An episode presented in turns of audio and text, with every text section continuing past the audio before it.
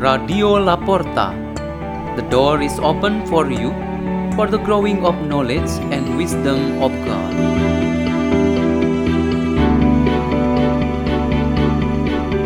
Delivered by Cecilia Sari from Saint Mark Church Depok, Diocese Bogor, Indonesia.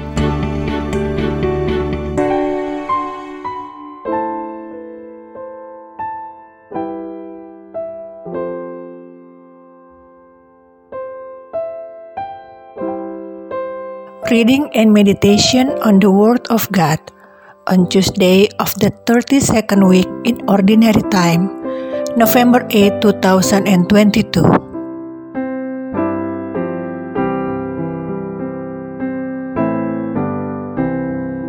The reading is taken from the letter of the Apostle Paul to Titus.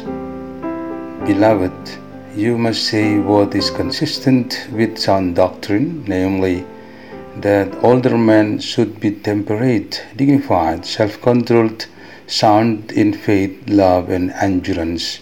Similarly, older women should be reverent in their behavior, not slanderers, not addicted to drink, teaching what is good, so that they may train younger women to love their husbands and children, to be self controlled, chaste, good homemakers, under the control of their husbands, so that the word of God may not be discredited. Urge the younger men similarly to control themselves, showing yourself as a model of good deeds in every respect, with integrity in your teaching, dignity, and sound speech that cannot be criticized, so that the opponent will be put to shame without anything bad to say about us. For the grace of God has appeared, saving all, and training us to reject godless ways and worldly desires, and to live temperately, justly, and devoutly in this age, as we await the blessed hope, the appearance of the glory of the great God and of our Savior Jesus Christ, who gave Himself for us to deliver us from all lawlessness and to cleanse for himself a people as his own, eager to do what is good. The word of the Lord.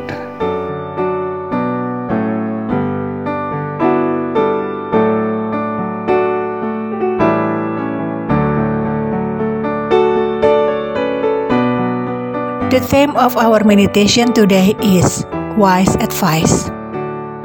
There is a teenage girl at the time of celebrating her 17th birthday, sharing her feelings of gratefulness on her social media page. She wrote with this phrase I can choose friends who always help me when I have trouble. It's because of my parents' advice. I can make considerations before deciding something.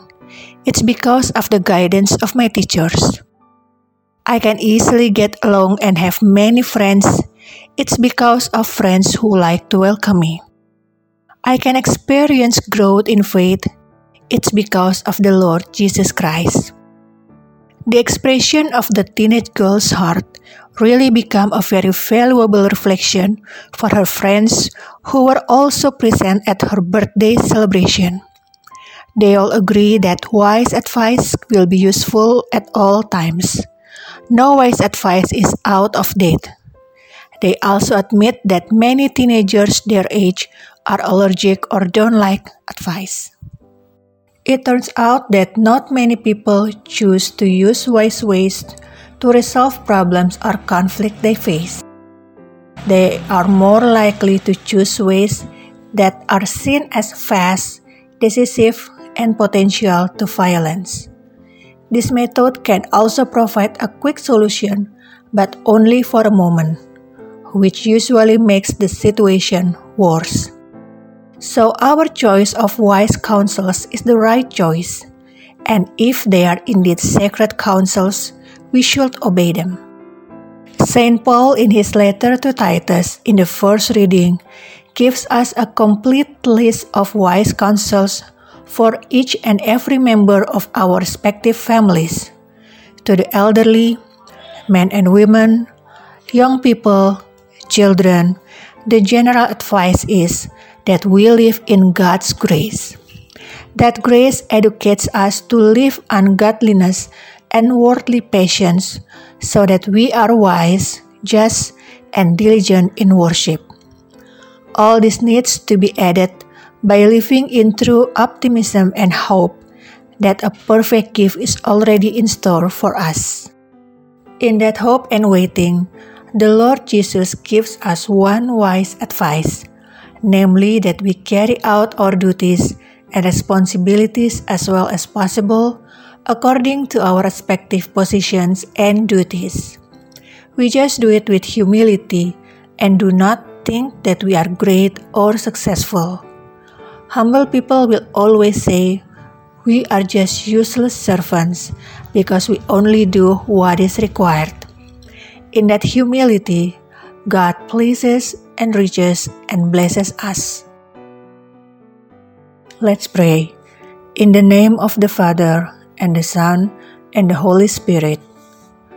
O Lord Jesus, fill us with a spirit of diligence and responsibility to fulfill our duties in humility. Glory be to the Father, and to the Son, and to the Holy Spirit, as it was in the beginning, is now, and ever shall be, world without end. Amen. In the name of the Father, and the Son, and the Holy Spirit. Radio La Porta. The door is open for you.